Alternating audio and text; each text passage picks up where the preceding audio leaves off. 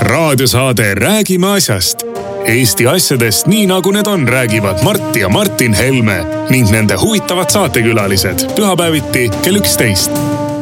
loe põnevate teemade kohta rohkem ka uudisteportaalist uueduudised.ee tere tulemast kuulama raadiosaadet Räägime asjast, asjast räägime Tere raadios, Ring FM-is, Ruut FM-is, Kuressaare pereraadios. on pühapäeva hommik kell üksteist ja võtame kokku nädala sündmused. analüüsime ja sünteesime neid konservatiivsest vaatepunktist. stuudios on täna štammid Mart Helme ja Martin Helme.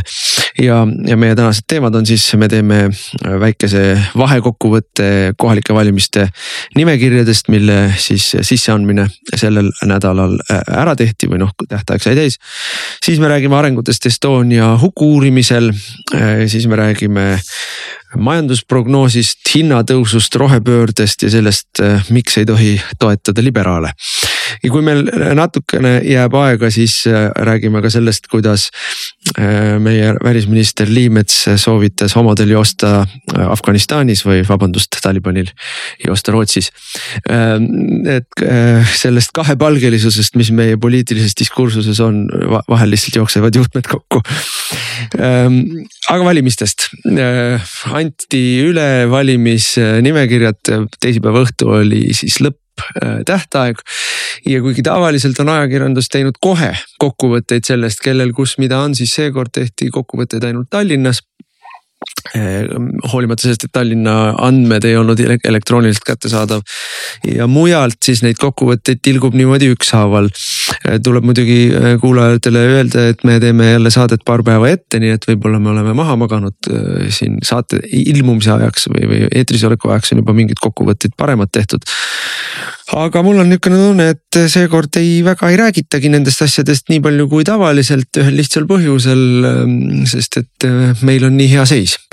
me esitasime omavalitsuste valimistele seitsekümmend kaks nimekirja. kokku on Eestis seitsekümmend üheksa omavalitsust. meil on umbes tuhat nelisada, nõks vähem kui tuhat nelisada kandidaati. no võib äh, kindlalt väita, et me läheme nendel valimistel välja noh, väga-väga tugeva, väga tugeva seisuga, väga tugeva äh, seisuga nii selles mõttes, et me oleme kogu Eesti katnud erakonna nimekirjadega. enamik neist nimekirjadest on väga korralikult tugevad, jah, on mõned kohad, kus need nimekirjad on lühikesed. Äh, aga, aga enamikes kohtades on väga tugevad nimekirjad, eriti suurtes linnades, mis äh, me kõik ju teame. meie erakonna jaoks meie see nii-öelda põhitoetusbaas on ju väikelinnad ja maapiirkonnad, aga suurtes linnades on meil raskem, aga ka suurtes linnades, kaasa arvatud Ida-Viru linnades. on meil nimekirjad väljas ja, ja täitsa kobedad nimekirjad, ma ütleksin sellised, mille poolt eh, peaks olema inimestel, kui nad vähekenegi meie maailmavaadet toetavad, kerge oma häält anda. no ma lisan siin seda, et me oleme läinud täiesti teist teed kui siin näiteks Isamaa. Isamaa korjab praegu üle põllu kokku kõiki neid mädasid kartuleid, mis on maha jäänud eelmistest koristustest. kõik need juba läbi põletatud ja pensioneerunud ja, ja, ja erakondi vahetanud nimesid, keda oma nimekirjadesse korjatakse, et jumala eest. peaasi, et on tuntud nimi, peaasi, et on, on nimi, keda inimesed on kusagil kunagi, kunagi kuulnud, lugenud, näinud ja, ja kraabime ta oma kõhu alla. mida see näitab, see näitab muidugi seda, et nad eh, ei ole mitte midagi õppinud. Nad ei ole mitte midagi õppinud sellest, mis on toimunud eh, riigikogus kasvõi viimase koosseisu ajal. kus eh, neil on noh, võime öelda, et neljandik fraktsioonist koosneb dissidentidest, kes kogu aeg šantažeerivad, ähvardavad, et aga kui me ei saa oma tahtmist, me läheme akna alla, me jookseme EKRE-sse, me läheme kuskile reformi. et te peate meile, meiega arvestama, noh esi, esipõrandale pilduja on muidugi Ladõnskaja seal. Kubits on tal vist teine perekonnanimi ka aga, aga noh, ega seal on neid teisi ka, neid näitlejaid ja, ja, ja äh, mõttehiiglasi, ma ei hakka nimesid nimetama. no kõik teavad neid. kõik teavad neid. ja ega sama seis on ju neil ka kohalikes omavalitsustes ja. olnud, noh kohalike omavalitsuste puhul see valgusvihk või, või see nii-öelda tähelepanu on ju peal vähem. aga, aga noh, seda koerapulma, mida ühes või teises omavalitsuses näha on, kuidas äh, jooksevad inimesed äh, kohe peale valimisi teise fraktsiooni pool aastat hiljem jooksevad kolmandasse fraktsiooni ja koosseisu lõpuks roomavad tagasi oma algsesse fraktsiooni ja iga, iga poole vahetamisega saab mõni sugulane tööd mõnes omavalitsuse asutuses või, või, või noh, see, see on päris, see on päris mage, mismoodi on asju aetud ja me tahame vältida seda. me ei taha selliseid inimesi. ja seepärast me olemegi läinud välja äh, oma inimestega. me ei ole läinud otsima mingisuguseid tuntud nimesid, et tule nüüd kandideeri meile, too meile oma mingisugused häälekesed. Me läheme oma inimestega, me kasvatame oma inimesi, me anname oma inimestele, võtame noh, minu meelest kõige parem näide on meil Pärnu. kus me eelmistel kohalikel valimistel saime volikogus, ma ei mäleta, viis või kuus kohta, kuus kohta. üks jooksis ära. üks jooksis minema, no ja me viskasime välja täpsemalt, sest et noh, minu arvates ta oligi Isamaa agent seal. võib-olla ma eksin, aga igatahes pärast, pärast liitus ta Isamaa fraktsiooniga. ja, ja äh, need inimesed on praegu kasvanud. Praegu me oleme Pärnus koalitsioonis Need inimesed on saanud linna juhtimise kogemuse, nad on saanud volikogu töökogemuse, nad on saanud üldise poliitilise koolituse ja need inimesed on kasvanud ja, ja need inimesed on juba praegu koha peal tuntud ja täiesti arvestatavad tegevused ja niisuguseid näiteid me võime tuua terve hulga, no palun väga. Rene Kokk, kes teadis midagi Rene Kokast enne eelmisi kohalikke valimisi peale kohalike inimeste.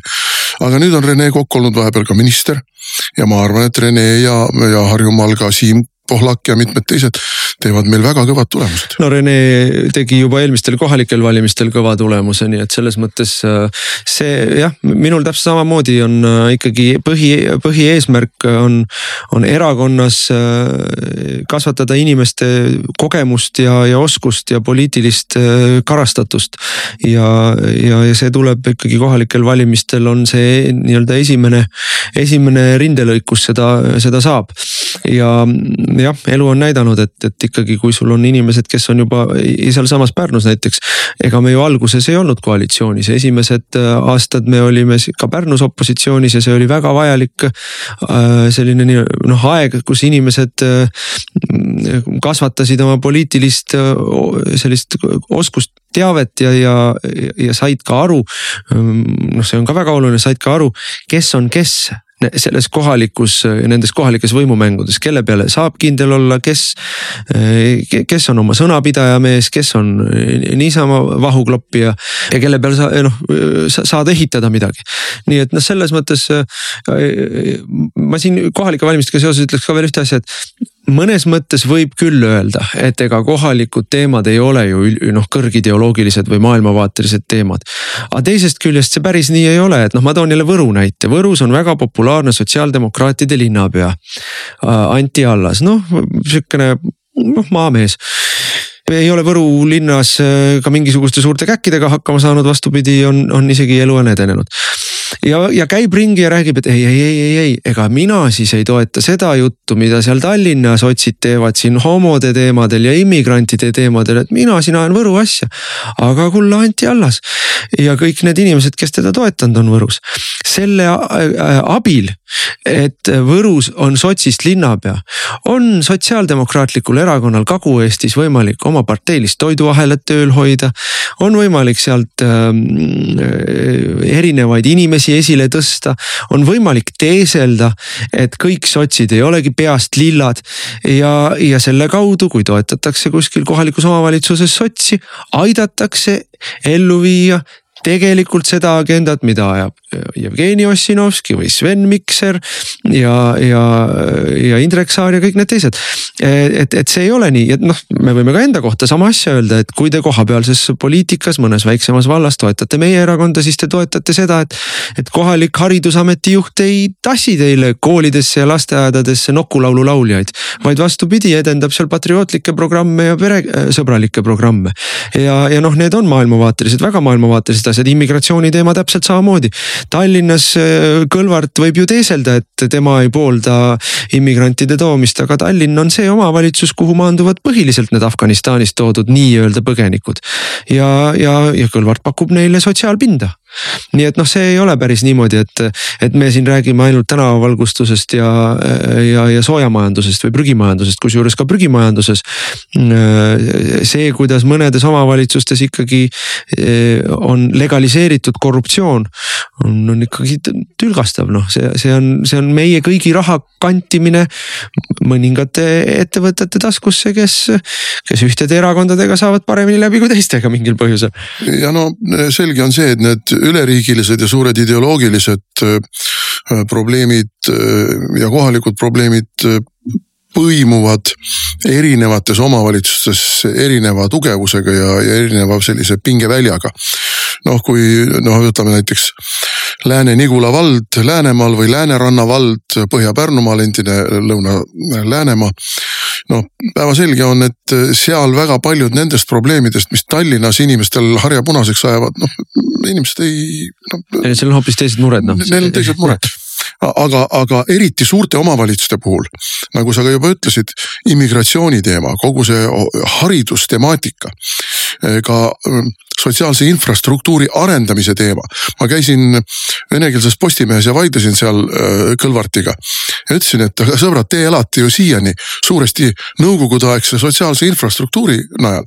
siis ehitati uutesse rajoonidesse koolid, teed ehitati välja, kõik elektriliinid, kanalisatsioonid.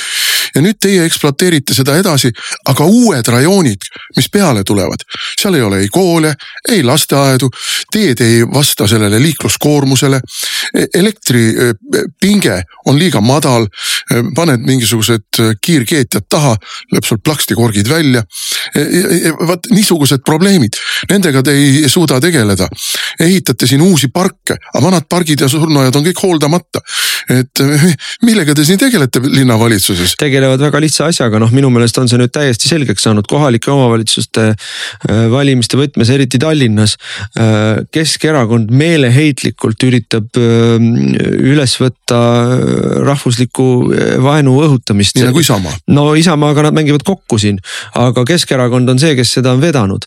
Keskerakond noh, on pannud nii Kõlvarti kui Yana Toomi kui, kui siin omad väiksemad, väiksemad propagandistid ikkagi noh selgelt ühte jutupunkti rääkima ja see on rahvusliku vaenu, vaenu õhutamine ja, ja mis selle põhjus on, põhjus on väga lihtne. Keskerakond on reetnud ju oma valijad, kellest väga suur hulk moodustab venelased. Ja selle ja selle reetmisel on nimed ka, sellel reetmisel on pere, peretraditsioonilise perekonna kaitsmise küsimuses reetmine, noh lihtsamalt öeldes siis abielureferendumi läbikukutamine, aga ka üleüldiselt ka Tallinna koolides. Lilla propaganda sisselubamine. Äh, see, selle reetmise teine koht on immigratsioonipoliitika, noh Afganistani küsimuses või, või, või, või mingites muudes pagulasteemade küsimustes niikuinii. aga ei tasu ka ära unustada seda, et massiline immigratsioon, töö, tööjõu immigratsioon Valgevenest, Venemaalt ja Ukrainast, kust meilt tuleb kümneid tuhandeid ajutisi siis töötajaid aastas. Ähm, need on ju inimesed, kes lähevad ja võtavad ära eelkõige venelaste töökohad, sest et nad tulevad odavama raha eest nendele töökohtadele, kus eesti keelt ei pea oskama. ja, ja, ja see on Keskerakonna valija reetmine. ja, ja kolmas on muidugi rohepööre, et kui me räägime siin äh, sellest ähm, inflatsioonist ja majandusseisust, siis see põhjus, miks meil on pöörased, pöörased elektrihinnad, pöörased, pöörased kütusehinnad. on ju, ju kliimapoliitika ja, ja, ja Keskerakond Jüri Ratase eriti innukal juhtimisel, aga noh, nüüd kui nad on Reformierakonnaga koos koalitsioonis, on noh, fanaatilised rohepöörajad. ja, ja see on ja see on noh ka oma valija, see on kõikide inimeste reetmine, kellel, kellel on vaja elektriarvet maksta või tankimisel äh, rahakotist raha välja käia või, või ka ootame ära, kuni soojaperiood algab ja me näeme oma esimesi küttearveid, mida gaasi hind on teinud. et, et noh, ja selle ja selleks, et mitte rääkida homodest, neegritest või, või, või toasooja hinnast. selle jaoks, et mitte kaotada oma valijaid selles valdkonnas, üritavad nad mobiliseerida vene valijat rahvusküsimuse taha. ja see on muidugi noh, see on muidugi kohutavalt alatu ja, ja, ja, ja, ja, ja vaenulik Eesti riigi, Eesti rahva ja ka oma valija vastu. ja seda, et Isamaa sellega kokku mängu teeb, et, et üle künnise tulla. noh, see on veel alatum nojah, aga äh, süvariik, kes kogu seda mängu dikteerib, ega siis nagu ma vist ühes saates olen öelnud ka, et ma küsisin ühelt endiselt väga kõrgelt Tallinna linnaametnikult. et aga mispärast Kõlvart selle Tallinna TV kinni pani? ta vaatas mulle naeratades otsa, ütles sellepärast, et kästi et kes käskis, see on muidugi küsimus, seda ta mulle ei öelnud. noh, võib öelda, et Jüri Ratas käskis, aga ma hästi ei usu, et Jüri Ratas käskis. ma arvan, et see käsk tuli ikka kuskilt sealt süvariigi sügavusest. Ja ja huvitava artikli kirjutas Andrei Kuzitškin neljapäevases, ma ei mäleta, kas Postimehes, Päevalehes, no ükskõik, kama kõik. ja, ja oli väga murelik no Kositškin vihkab meid. oli väga murelik, et, et samal ajal kui Vene valija ei anna Reformierakonnale ja Isamaale andeks nende rahvuslikku retoorikat. EKRE puhul neelavad nad selle alla ja sellepärast, et EKRE ütleb, et homodusele ei, odavale immigrant, immigrantide tööjõule ei. ja ütleb ka seda, et Euroopa Liit on Eesti majanduse ja Eesti inimeste heaolu suhtes destruktiivne jõud. noh, me ei vihka kedagi ega midagi, aga me tahame, et Eesti oleks normaalne, turvaline, jõukas riik. ja selle, selle eesmärgi nimel meil, me ei ole lolluste ja kahjurlusega nõus nii et ähm, jah, eks aga noh, vale on arvata, et me tegeleme mingisuguse vene valijaga või vene häälega kuidagi eriliselt, ei tegele, no kui tuleme tagasi selle seitsmekümne kahe omavalitsuse juurde, kus meil nimekirjad on nendest seitsmekümne kahest omavalitsusest. no ma ei tea, kuuskümmend kaheksa on noh otsast otsani eestikeelsed, eestimeelsed ja, ja, ja seal on meie Eesti valijad ja, ja me tegeleme nendega no siin ongi nüüd äh, tegelikult äh, ja meie peavoolumeedia on sellele tugevalt kaasa aidanud.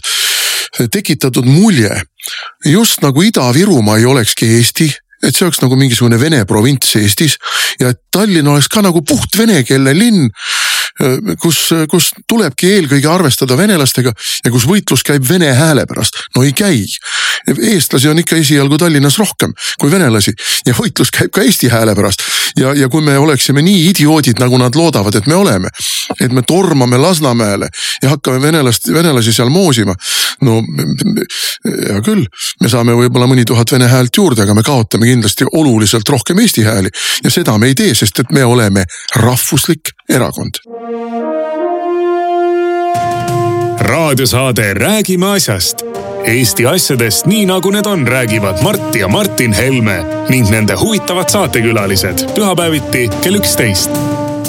loe põnevate teemade kohta rohkem ka uudisteportaalist uueduudised.ee jätkame saadet, saadet juhivad Mart Helme ja Martin Helme ja saate nimi on Räägime asjast.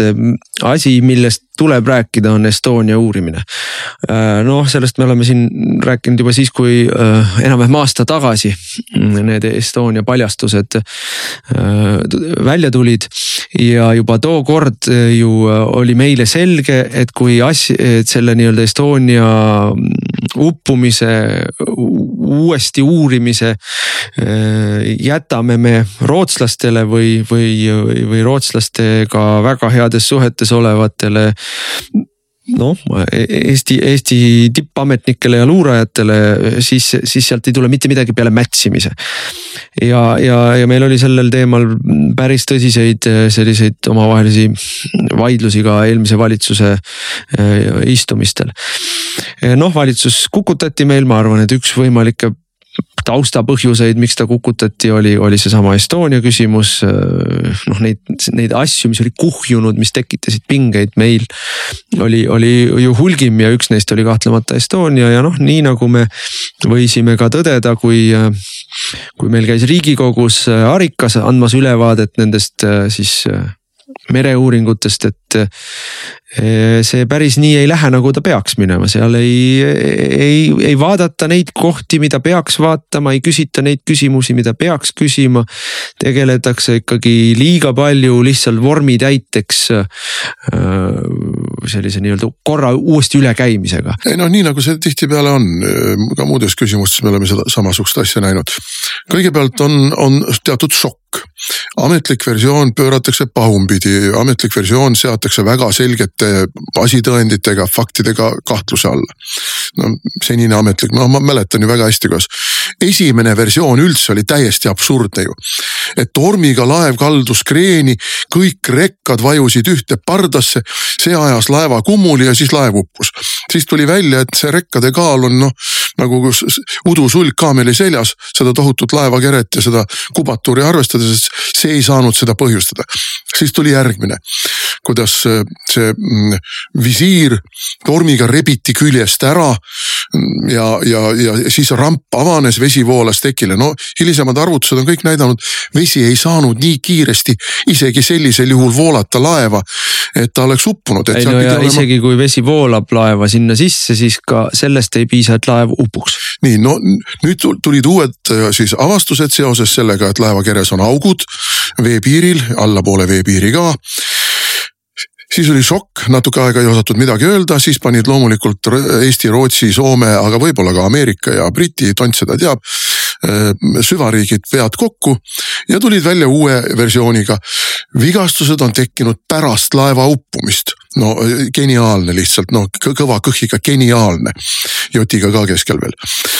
et no lolle te võite ju püüda, aga ja, ja kinni makstud igasuguseid Tallinna Tehnikaülikooli teadlasi ja, ja muid tegelasi võite ka ju kaasata kogu selle juurde. aga iga normaalne inimene saab aru, et see jutt ei pea paika.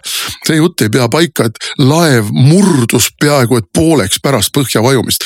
visake pudel vett ette. Ja laske tal, tal vett täis minna äh, korki pole peal. Ja vaadake, kas ta põhja vajudes murdub pooleks. no see on ju absurdne jutt täiesti, aga meile seda juttu müüakse. Ja, ja, ja, ja nüüd see ekspeditsioon, mida pandi kokku panema, juhendama riigisekretär Taimar Peterkop, kelle põhiline tööülesanne, olgu see koroonaga seoses, olgu see mingisuguse muu asjaga seoses, on alati leida kinnimätsimise versioon alati leida kinnimätsimise versioon. Pandi siis seda tegema sel hetkel, kui Jüri Ratas nimetas Taimar Peterkopi kogu selle asja organisaatoriks, oli mulle selge. ja ma arvan, et sulle oli see ka selge. et, et siit tuleb mingisugune sussa-vussa-pussa. No, mul... just nagu usutav, aga tegelikult tõele mitte vastav mulle oli selge see, et äh, kui, kui Peterkop hakkas seda asja juhtima, mul oli mulle selge see, et me, meil hakkab üks lõputu äh, pimesikumäng lõputu umb, ummikteele juhtimine, lõputu aja venitamine, lõputu ettekäänete otsimine, miks seda ei saa teha, miks praegu ei saa teha, miks nii ei saa teha. ja, ja noh, hanked, meil Eesti no, riigis on ju suurepärane venitamise asi, me peame hanke välja kuulutama. et noh, see selles mõttes ja see oli, see oli meile mõlemale selge, et seal, seal no Peterkopi, Peterkopi süvariigi äh, seoseid me saame siin äh, juhtida tähelepanu seoses seoses tema tüliga kaitseministeeriumist minema löönud, löödud Oidsaluga, mul ei ole Oidsalu suhtes ühtegi sümpaatiat ja tal meie suhtes veel vähem. Aga eh, noh, mingi must kass jooksis läbi siis kaitseministeeriumi ja riigikantselei vahel. lausa nii kaugele eh, on asjad läinud seal, et, et siis Peterkop pani eh, ühe riigikantselei julgeolekualase töötaja kaebekirja kirjutama Oidsalu peale kaposse. kusjuures kaebekiri on noh piinlik, piinlik lihtsalt, aga muide näitab meile jälle seda, et siis kui vaja on siis meil asutused tegelevad inimestega. Äh, kui vaja ei ole, siis prokuratuur ei leia alust midagi algatada, kapo ei näe põhjust millegagi tegeleda. politsei ei näe alust millegi teha, noh hea näide on siin see, kuidas noh, ma, ma ei taha nüüd kuidagi äh, appi tulla või, või õigustada Mailis Repsi, aga kui vaja on, siis paragrahvid leitakse. leitakse tsiviilhagi paragrahvid, leitakse kriminaalhagi paragrahvid, leitakse või kriminaalsüüdistuse paragrahvid, leitakse kõik paragrahvid menetletakse noh lõpuni, aga kui vaja ei ole, siis noh külmlao teemal ei leita külmlao teemal ei saa ei politsei, ei prokuratuur, mitte keegi, mitte keegi ei saa mitte midagi teha, pole seadust. täiesti absurdne on see, kui peaprokurör ütleb, et, et uskumatu, et selline kobarkäkk on aset leidnud. vabandust, kus teie pressikonverents on praegu? Kust, kus teie pressikonverents on, kus laotakse laua peale kõiksvõimalikud süüdistused? kus on läbiotsimised kaamerate ees, kus on, kus on suured tuututamised, kuidas siin on ikka suur asi ja, ja nii me, nii me noh, meil nüüd on tuleb, ikka. nüüd on, nüüd tunnistatakse ametlikultki, et ikka tegelikult ei ole ainult kolm miljonit, on kuus miljonit. pluss uute ravimite muretsemise kulud, pluss veel ma ei tea, mis kulud. aga noh, prokuratuur ütleb, et uskumatu, aga mitte midagi ei liiguta. no prokuratuur on meil nagu noh, mingisugused, ma ei tea, pentangi mängivad või, või, või, või, või, või, või ma ei tea, kabet mängivad vana pension, pensionärid kuskil. noh, nemad vaatlevad maailma, nendel, nemad ka vaatavad ja mõtlevad, siis et vaata. kuidas küll niimoodi sai minna, siis, kui süvariik annab korralduse, siis ei vaatle, siis sekkuvad. aga noh, ütleme selle Estoniaga, Estoniaga sama lugu ju. Estoniaga mingisugust uut asja ei algata.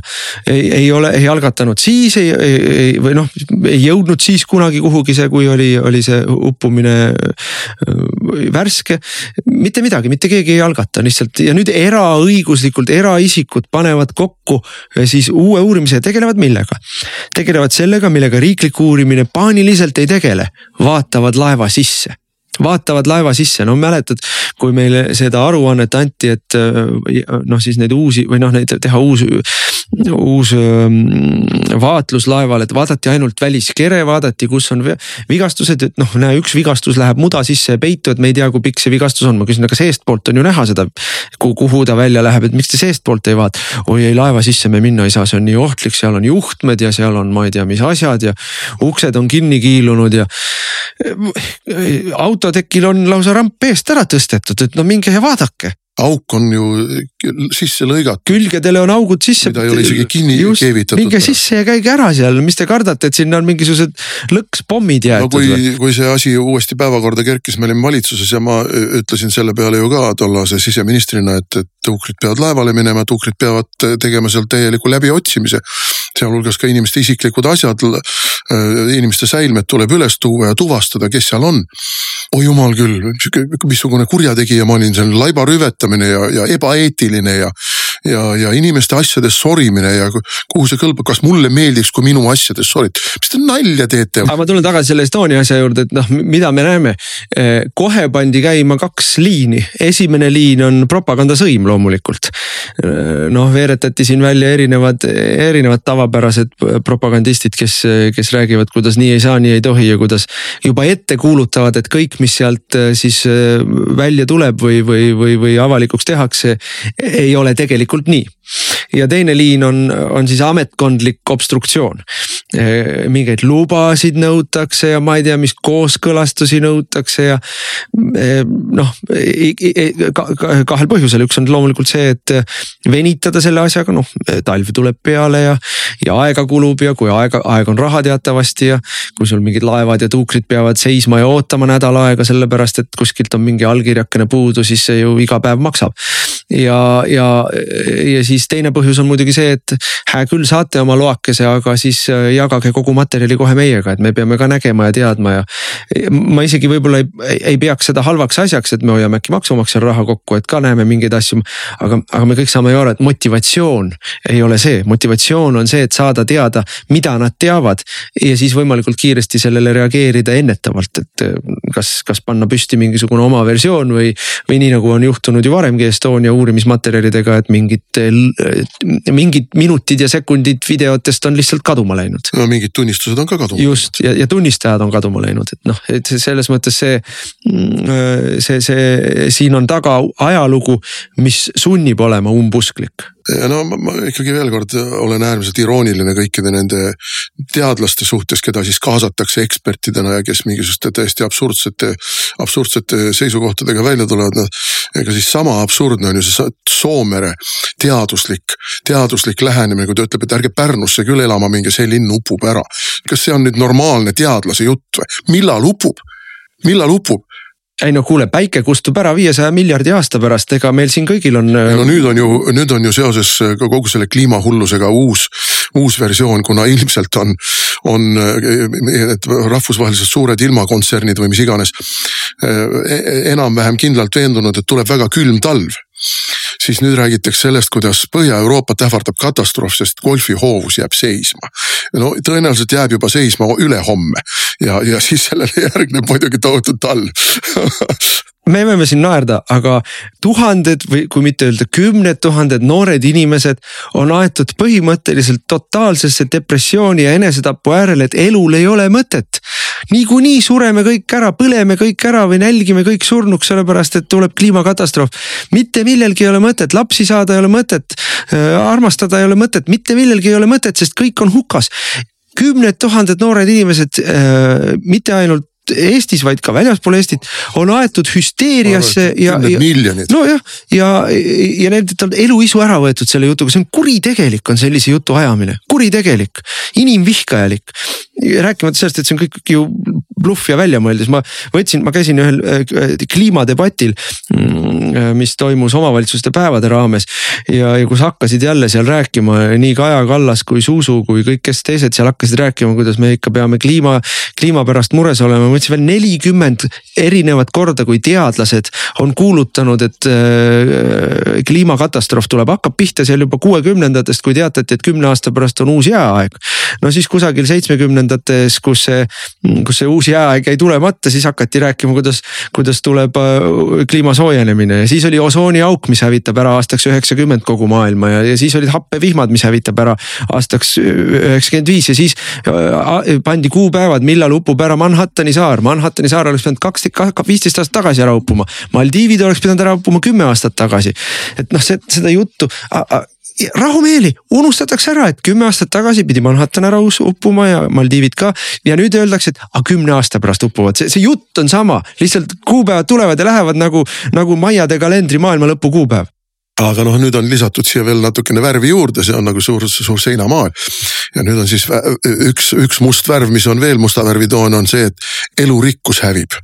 liigid surevad välja, pidevalt me loeme sellest, kuidas igal aastal hävib maailmas nii ja nii palju liike aga mina siis ütlen selle liikide hävimise kohta niimoodi, et vaadake, sõbrad, elurikkuse seisukohast me peaksime loomulikult ellu äratama kõik saurused.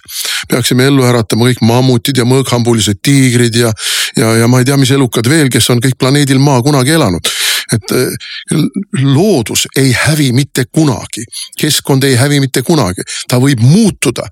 ühed liigid kohanevad, teised ei kohane, ühed liigid surevad välja, teised liigid tulevad asemele. loodus ei hävi mitte kunagi. Ja karjuda siin, kuidas mingi putukaliik on kuskil välja surnud ja see tähendab, et elurikkus hävib planeedil Maa. no see peab ikka päris põmm pea olema, kes asja niimoodi ei no aga inimesed usuvad seda, aasta, mõni aasta tagasi ju käis mööda ilma ringi jutt, kuidas kohe-kohe surevad mesilased välja välja. no ei ole surnud ja mesilaste arvukus ka ei ole tegelikult vähenenud. vastupidi, vähemalt Eestis ütlevad putukateadlased, et mesilasi on rohkem viimastel aastatel. ja, ja noh, ja kui meenutagu inimesed, kui palju meil oli mingisugust hüsteeria kütmist teemal mesilased saavad otsa. no ei noh ja lihtsalt küsimus on selles, aga miks meile siis tiba aetakse ja vastus on väga lihtne ja selle vastuseni nüüd me jõuame. sellepärast, et kui meid õnnestub hüsteeri-, hüsteeriasse ajada, siis õnnestub meilt ära võtta meie raha ja meie vabadus. ja neid kahte asja aetakse kogu aeg, me, me tahetakse meilt kätte saada e,. E, tulid just sellel nädalal välja uudised, kuidas elektri hind teeb rekordeid ja, ja, ja kuidas kuni kevadeni on elektri hind noh, äh, noh, ütleme siis rekordkallis, noh, igaüks, kes on käinud tankimas omal autot äh, bensiinijaamas, ükskõik kas bensiini või diisliga. ma just eile õhtul käisin. põhi, põhimõtteliselt noh, valusööst käib läbi. ei no siis silm ei jõua enam registreerida, kuidas need numbrid seal kiiresti muutuvad ja, ja, ja ma, ja ma tahan nüüd kõigile inimestele siinjuures öelda, et ja valitsus tahab tõsta diisli hinda, elektriaktsiisi ja gaasiaktsiisi järgmisest kevadest tahab valitsus tõsta, tänane valitsus, Reformierakond ja Keskerakond tahavad Jüri tõsta. Ratas on juba öelnud loomulikult valimiste eel, eh, mitte millekski kohustavalt, et need plaanid tuleb üle vaadata. loomulikult tuleb need plaanid üle vaadata, aga, aga, aga eh, noh, me teame kõik, kõik me teame, diisli hinda, eh, diisliaktsiisi, et me langetasime, kui me olime valitsuses, aga lisaks sellele me langetasime ka elektriaktsiisi ja lisaks sellele me langetasime ka gaasiaktsiisi. ja missuguse sõjaga ja missuguse sõjaga ja kõige rohkem olid ikka vastu kallid koalitsioonikaaslased ja siis, siis tulid riigiametnikud ja siis alles tuli opositsioon. nii et, aga miks need hinnad on sellised, miks need hinnad on, hästi lihtne põhjus. juba tänaseks päevaks on Euroopas suletud kümneid, kui mitte sadu elektri tootmisjaamasid eelkõige, eelkõige on Saksamaa pani kinni tuumajaamad ja on sulgenud söejaamasid. Hollandis pandi kinni kohtuotsusega fossiilkütusejaamad, sellepärast et muidu Holland, noh, mingid roheaktivistid kaebasid riigikohtusse, muidu Holland ei täida Pariisi kliimaleppe eesmärke. ja kohus pani kinni elektri tootmise. nii, aga kui sul on terves Euroopas vähendatakse elektri tootmist, siis on ju elektrit vähem.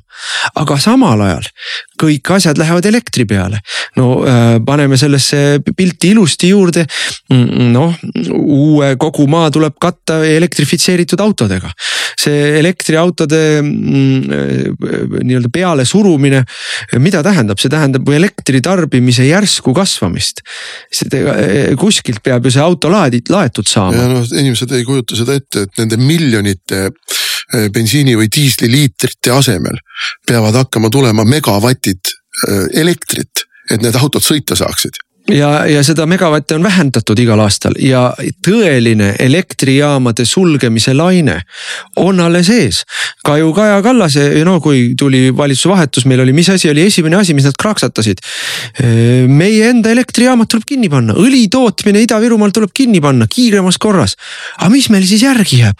Millest me siis elame, millega me tuba valgustame, millega me neid autosid laeme, kes on endal juba elektriautos, millega me tuba kütame, sest et väga suur osa Eesti ikkagi äh, toasoojast on ju ka äh, õhkssoojuspumbad või, või, või, või ka elektri peal kütetakse veel jätkuvalt Eestis ka. ei no õhksoojuspump töötab ka elektri peal. just täpselt. ka maaküte töötab elektri peal. täpselt nii. isegi fossiilkütustega küt-, köetavad katlad, kui need on taga seal tarbimine üsna suur, vajavad pumpasid, mis vett tsirkuleerima panevad ja, ja kogu seda süsteemi käigus hoiavad. et noh, hea küll, väikeses majas vesi hakkab ise tsirkuleerima, kui on noh, soe vesi. kui on õigesti ehitatud ka jah. aga, aga suured korrusmajad, kui seal on, on keskküttekatlad äh, sellised, nad võivad olla kivisöe peal küll või, või, või puidu peal, aga äh, vesi ei jõua sul viiendale korrusele, kui sul pump ei löö teda sinna ja, ja seda me võime kõik teada, mis siis juhtub, kui elektrit ei ole. Võru inimestelt võib küsida, kaks tuhat üheksateist aasta sügisel olid nädal aega ilma elektrita. ja, ja siin on juures veel noh, mitu olulist asja, et eh, miks läheb elektri hind kallimaks, üks põhjus on see, et kogu aeg vähendatakse tootmist ja kogu aeg suureneb tarbimine. ja, ja sellel majand-, majanduse kõige elementaarsemad reeglid ütlevad, et sellisel juhul hind läheb üles, sest et nõudlus kasvab. kust siis see puuduolev elekter tuleb? aga loomulikult loomulikult Venemaalt, aga loomulikult Venemaalt, kes ei maksa CO kvooti, kes toodab tuumajaamades elektrit, kes toodab põlevkiviga rahumeeli elektrit, kes toodab gaasist rahumeeli elektrit, müüb seda ja naerab ennast põrandal kõveraks ribadeks, kuidas lollakad eurooplased on omaenda tootmise kinni pannud, kümned tuhanded inimesed töötuks teinud ja, äh, ja need nendelt töötutelt inimestelt küsivad viis, kuus, seitse korda kallimat elektri hinda, kui nende oma tootmine oleks. sest et küsida võid ükskõik kui kõrget hinda, pluss äh, ütleme siis, kui me paneme näiteks kinni enda põlevkivijaamades elektri tootmise. E, Eesti Energia, ütleme siis tootmisjaamade e, siis see nii-öelda kapitali maht on umbes kaks miljardit eurot. Kanname maha kaks miljardit eurot või? kaks miljardit eurot ei ole oma eluaega, ei ole ennast tagasi veel teeninud. targad ütlevad selle peale, et asemele tulevad tuulepargid ja, ja muud taastuvenergiaallikad, päikesepargid ja nii edasi. väga suurepärane, Liivi lahte tahetakse teha tu, äh, Läänemere kõige suurem tu, tuulepark, okei okay.. mida kohalikud elanikud sellest arvavad, seda ma kuulsin Kihnus, kui ma käisin eelmisel nädalal. ma kuulsin Häädemeestel, kus ma käisin kuu aega tagasi. just, keegi ei taha seda parki sinna, aga, aga, aga selle, selle tuulepargi tegemine kaks pool miljardit kaks pool miljardit, see on juba neli pool miljardit, ühe jaama, mis töötab, mis annab meile odavat elektrit, paneme kinni, kanname maha kaks miljardit. ja kõrvale ehitame uue jaama kaks pool miljardit, neli pool miljardit, pumm, et teha rohepööre see raha ju kajastub teie elektriarves, kallid sõbrad. ega see raha taevast ei kuku või, või noh, ja kui elektriarves ei kajastu, siis tuleb maksumaksjana, maksude tõusus kajastub. kõigele lisaks, kui me teeme selle Vene elektrivõrgust lahti ühendamise, siis meil ei ole ju seda võimekust, et me stabiliseerime selle ebastabiilse energia tootmise, mis on seotud tuuleparkide ja päikeseparkidega. ja, ja see tähendab seda, et meil võib korduda siin Texase olukord möödunud talvel, kus nädalate kaupa torud külmusid lõhki, inimesed pidid, ma ei tea, küünlavalgel ennast soojendama ja valgustama. Noh no, sajad, sajad, kui ma õigesti mäletan, mitu tuhat inimest suri lihtsalt ära, sellepärast et. täielik oli... katastroof ja meie pääsesime sellest eelmisel aastal tänu oma elektri tootmisele. tänu sellele, et kui mina olin rahandusminister, tegin ma eraldi korralduse Eesti Energiale, et reservvõimsust tuleb hoida, isegi kui see tekitab era, Eesti Energiale äh, miinust, et reservvõimsust seda reservvõimsust praegu kasutatakse, praegu müüakse. stabiliseerimisvõimekust ei ole iseseisvat ja selle väljaehitamine läheb veel pool miljardit, umbes pool miljardit. jah, jah, see, et selle jaoks, et äh, nendes nii-öelda kõikuvad, noh, kui tuul puhub, siis on palju elektrit, kui tuult on vähe, on vähe elektrit. päike paistab, siis on palju elektrit, öösel on jälle vähe ja, ja selle kõikumise maandamiseks, et ta ei lööks korke läbi, ei kärsataks alajaamasid läbi. Äh, selle, selle nii-öelda tasandamiseks on, on vaja sadade miljonite eest teha lisainvesteeringuid. aga selle peale ütlevad Kaja Kallased muidugi meile sirge näoga, et aga me saame selleks Euroopast raha. no näpuotsaga saame, näpuotsaga, rohepöörde toetuseks õiglane üleminekufond kolmsada kuuskümmend miljonit. paneme selle nüüd sinna siis sellele viiele miljardile, mida rohepööre energeetikas ainuüksi elektri tootmises no, tähendab. kusagil mingisugune kuus, kuus protsenti. mõni protsent kogu sellest tegelikust kulust, eks ole, see on ju ja, ja, ja sirge näoga räägivad meile äh, tänased valitsuspoliitikud, et see on vajalik, tuleb teha, pääsu ei ole, igal juhul on vaja.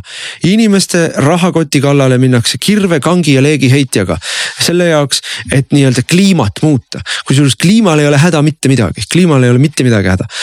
ja, ja sellega noh, ma ütlen veelkord, mitte mingil juhul ei saa nõus olla ja me peame lihtsalt suutma hoida oma tootmist ja, ja, ja, ja mitte lõhkuma ära midagi omal. ei õli tootmist, elektri tootmist ega kaevandamist, kuni selle nii-öelda rohepöörde realiteet jõuab inimestele kohale, nende rahakotti kohale. noh, siis tõusevad inimesed üle terve Euroopa selle vastu ülesse ja see sinna paika see asi jääb, aga, aga see see, see, et ta jõuaks inimestele kohale, võtab veel mitu aastat aega. no propaganda on ju nii maruline, et, et noh, eks see ajude pesemine, eriti noorte inimeste ajude pesemine sellega, et kui me seda ei tee, siis te hukkute ja siis te ei saagi, teil ela, elu jääb elamata, see on enam-vähem samasugune hirmutamine, nagu Kaja Kallas tegi kevadel, kui ta ütles. Kui te ei süsti, kui te ei tee seda ja teist ja kolmandat, siis suvi jääb vahele, no ausalt öeldes. no on ikka ausalt öeldes, no. ei jäänud vahele, ei, ei jäänud vahele, väga ilus suvi oli, väga meile, meile kõigile see suvi väga meeldis. No, aga siis, kui olid palavad ilmad, siis räägiti, aga niisugune ongi kliima soojenemine. no vot, kaks nädalat oli palavat ilma ja siis tuli selline külm augustikuu, külm ja vihmane augustikuu. pole olnud nii kehva. et ma ei tea, ma eelistaksin kliima soojenemist nojah, see vaata siin me jõuame tagasi nende teadlaste juurde, keda sina ennem nahutasid, et noh, tänasel päeval ju äh, äh, kõik peamised institutsioonid läänes on totaalselt korrumpeerunud ja akadeemia samamoodi. nii nagu meedia on totaalselt korrumpeerunud, ideoloogiliselt korrumpeeritud, nii on ka akadeemiline maailm ideoloogiliselt korrumpeeritud. üle triljoni euro aastas keerleb selle CO kaubanduse kaudu, see on raha, mis võetakse ära tarbija taskust siis sisuliselt valitsusele ja siis valitsus jagab seda raha laiali nii-öelda kliimaprojektideks. ja äh, loomulikult jagab ta seda ka teadlastele ja need teadlased on selle, äh, selle raha voo otsas täiesti sõlt-, sõltuvad. loomulikult nad laulavad seda laulu, mis toob neile järgmise projekti ja järgmise projekti ja, ja lahkelt ja he heldelt. kusjuures neid projekte ei ole vaja teha teaduslikult, seal piisab, kui sa kirjutad loosungeid. see on nõukogude kord, see on täielik nõukogude kord, meenutame lõssenkismi ja mitšurinlust. ja, ja mis puutub kultuuri, me võime siin tõmmata ka paralleeljoone kultuuri. täpselt samuti Nõukogude Liidus anti raha ideoloogiliselt laetud filmide tegemiseks. sõjafilmid olid alati ideoloogiliselt laetud. inimeste tavaelust rääkivad filmid olid alati ideoloogiliselt laetud, töökangelased ja mingid negatiivsed kangelased, kes jõid, aga kasvasid lõpuks ümber. ja, ja, ja, ja, ja sellist pläma me näeme praegu ju pidevalt produtseeritavat. Võimatu peaaegu on juba vaadata Hollywoodi filme, sest seal on juba ju kvootide alusel, kui palju peab ühes filmis olema positiivseid naiskangelasi, kes mehi jalaga peksavad seal. kui palju peab olema seal neegreid, kes, kes loomulikult on, on, on paremad inimesed kui valged inimesed. kui palju peab olema hiinlasi ja nii edasi. See on ju nõukogude kord, sõbrad, see ei ole enam normaalne ei, no, pluralistlik, demokraatlik ühiskond. see on totalitaarne ja ideoloogiale allutatud ühiskondlik elu, see, see selles mõttes noh, nõukogude kord või võid, võid ütelda ka seda. samamoodi äh, toimusid asjad, no ma ei tea, Mussolini või Hitleri juures või samamoodi on toimunud asjad teistes ideologiseeritud ühiskondades, ka Iraanis, eks ole, kus äh, samamoodi ühiskondlik elu on täielikult allutatud ideoloogilisele paradigmale. ja, ja nii on lihtsalt ja, ja noh, kas meie tahame sellist äh, elu, ei, mina ei taha, ma olen näinud, ma mäletan, ma olin teismeline, kui nõukogude võim lõppes, mul oli see, mul oli see äärmiselt vastumeelne kogu see kohustuslik asi, millele sa pidid, mis, mis sulle pidi meeldima ja mis sulle ei tohtinud meeldida, mulle see oli vastuvõetamatu, et keegi tuli ja ütles mulle. Need asjad sulle peavad meeldima ja need asjad sulle ei tohi meeldida, homod sulle peavad meeldima, neegrid sulle peavad meeldima. aga vot ei või meeldida sul, kui sul on mingi ajalooperioodi vastu huvi. no vot ei või meeldida, et noh, ma ei, ei lähe, ma ei ole nõus niimoodi, ma ei ole sellise ühiskonnaga nõus ja sul, sulle ei, sulle peab meeldima see, et kõik on vaktsineeritud meelditud, aga sulle ei tohi meeldida see, et inimesed küsivad küsimusi selle kohta, no see nii ei saa, see ei ole, see ei ole vaba ühiskond ja ma ei ole nõus sellega. raadiosaade Räägime asjast. Eesti asjadest nii nagu need on, räägivad Mart ja Martin Helme ning nende huvitavad saatekülalised pühapäeviti kell üksteist loe põnevate teemade kohta rohkem ka uudisteportaalist uueduudised.ee jätkame saadet, saate nimi on Räägime asjast. Mart Helme ja Martin Helme nahutavad punaseid, rohelisi ja lillasid ja ka tühisusi. meil on üks tühisus veel, keda me peame selles saates korrale kutsuma ja tema kajastajad, ma isegi ütleksin, et asi nüüd meie õnnetu äh, välisministri Liimetsa kallal hambaid teritada, noh inimene inimene, tal, mul on temale peamiselt üks etteheide, et võiks nii palju enesekriitikat olla, et ei, ei roni nii kõrgele õrrele, kus tegelikult hakkama ei saada. lihtsalt võiks nii palju enesekriitikat olla, aga noh, ei ole. Ehm, mis siis tema viimane eh, selline suur saavutus eh, rahvusvahelises diplomaatias oli? teatas meile mööda minnes, et Talibaniga on võimalik asju ajada, ma täpset tsitaati ei suuda praegu meenutada, aga Talibanil on ka häid omadusi. ja me peame vaatama, kuidas me Talibaniga edasi suhtleme.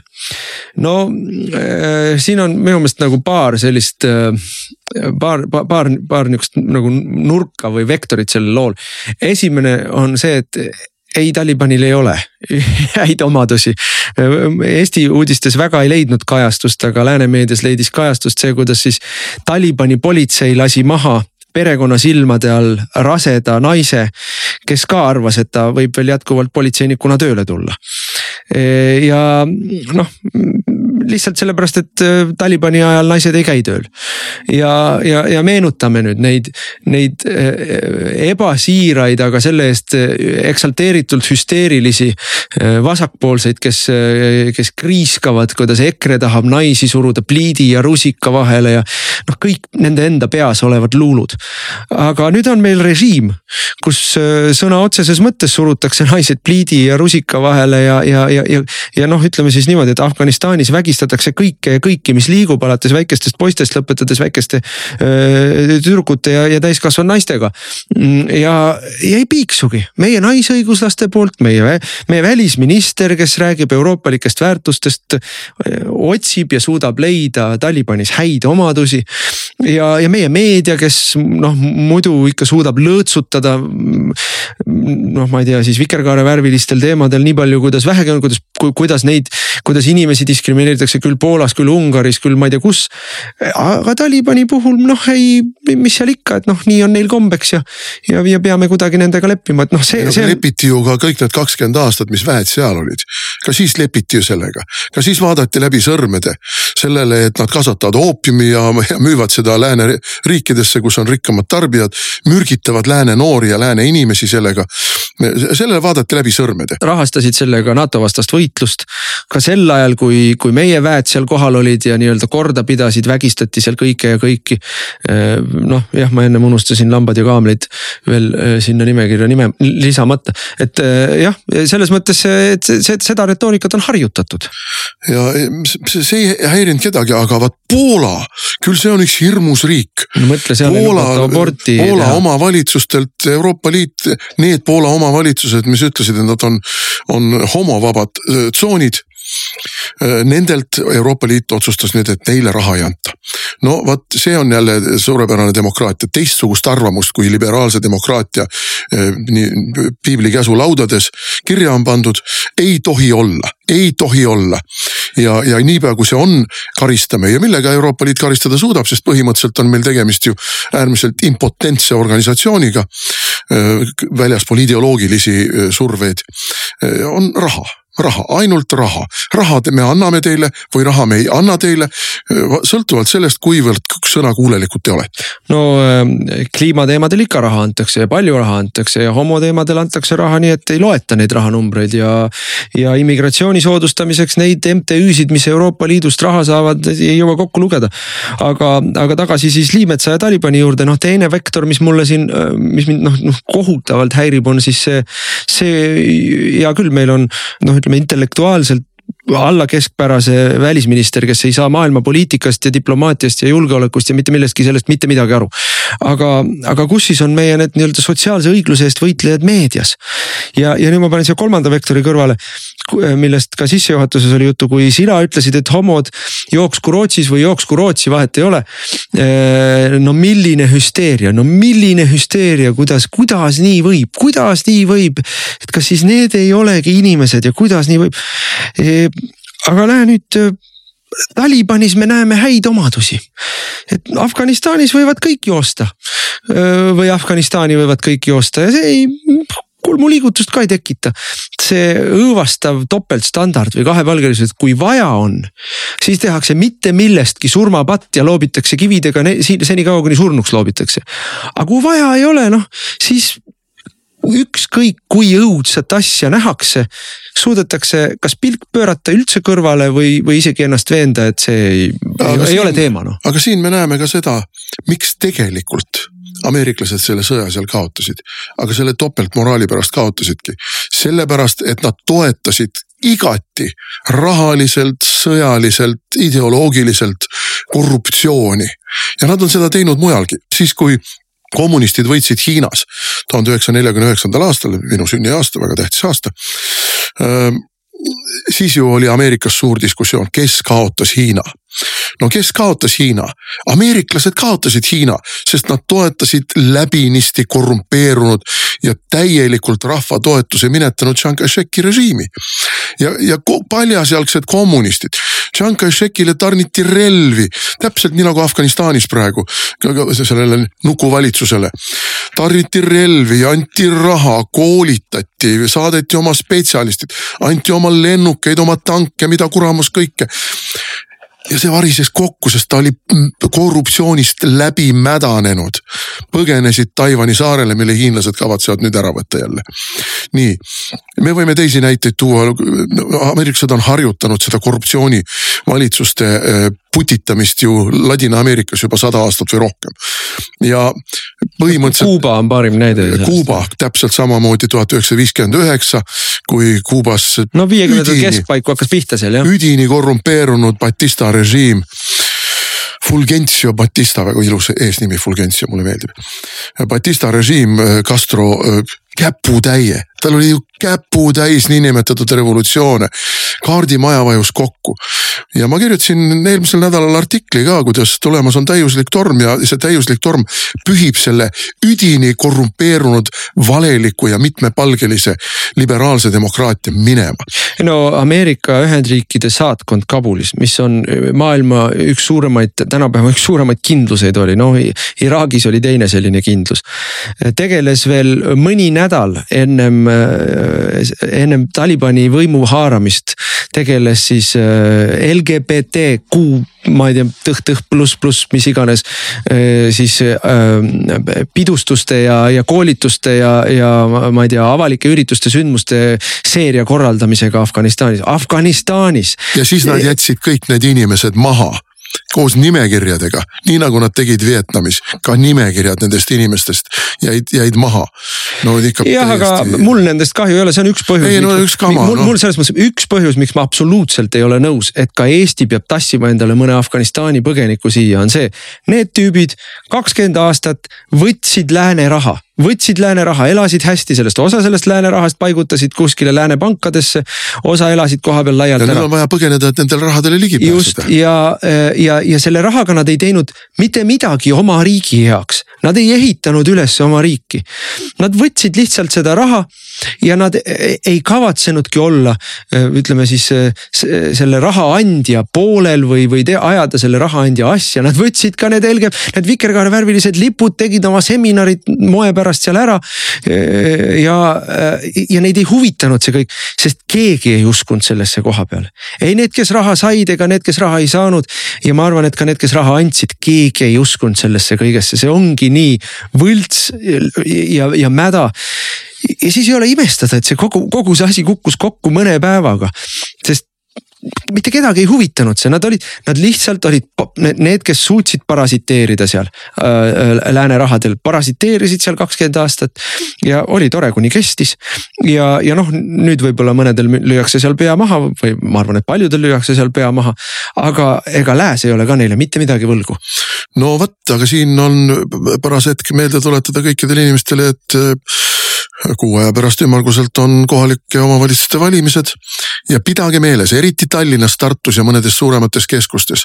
kui te annate oma hääle liberaalidele, olgu need liberaalid, kas Reformierakonna liberaalid, Eesti kahesaja liberaalid, sotsid või Keskerakond. annate hääle liberaalidele ja garanteerite selle, et aja möödudes, võib-olla mõne aasta möödudes tulevad ka Eestisse mošeed. sest et need inimesed kuulekalt on valmis võtma neid samu moslemeid, kes hakkavad siin neid samu homosid taga kiusama ühel ilusal päeval. see siseministrina ma nägin, missugune surve on juba praegu islami kogukonna poolt mošee rajamiseks Tallinna. Neil on kõik välja otsitud krundid, kohad, hooned. rahastajad. rahastajad, juba on tellitud projektid, juba on tellitud disainiprojektid, kuidas sisekujundused on, missugused ornamendid, missugused tornikesed ja nii edasi. Neil on kõik valmis mida veel ei ole tulnud, on Eesti riigi ja kohalike omavalitsuste luba. aga niipea kui liberaalid tunnevad, et neil ei ole enam kuklasse hingamas EKRE-t ja avalikku arvamust mis EKRE-t toetab selles, niipea tulevad meile siia mošeed. aga avalik arvamus muutub, kui sa tood piisavalt kriitilise koguse moslemeid sisse, kes sulle tegelevad sellega, millega äh, see nii-öelda vaikiv enamus kunagi ei tegele, ehk korraldavad mingeid agressiivseid laamendusi, äh, proteste, meeleavaldusi, äh, ka vägivaldseid operatsioone, nii nagu moslemid läänes ja, ja Ameerikas korraldavad. ega siis nende, nendel ei ole, nemad ei kõhkle selles, et vajadusel olla halva mainega, aga saada oma tahtmine. ei no esimene asi, mida nad teevad siin, nad moodustavad siin kriminaalsed jõugud, sest et muud nad ju ei oskagi.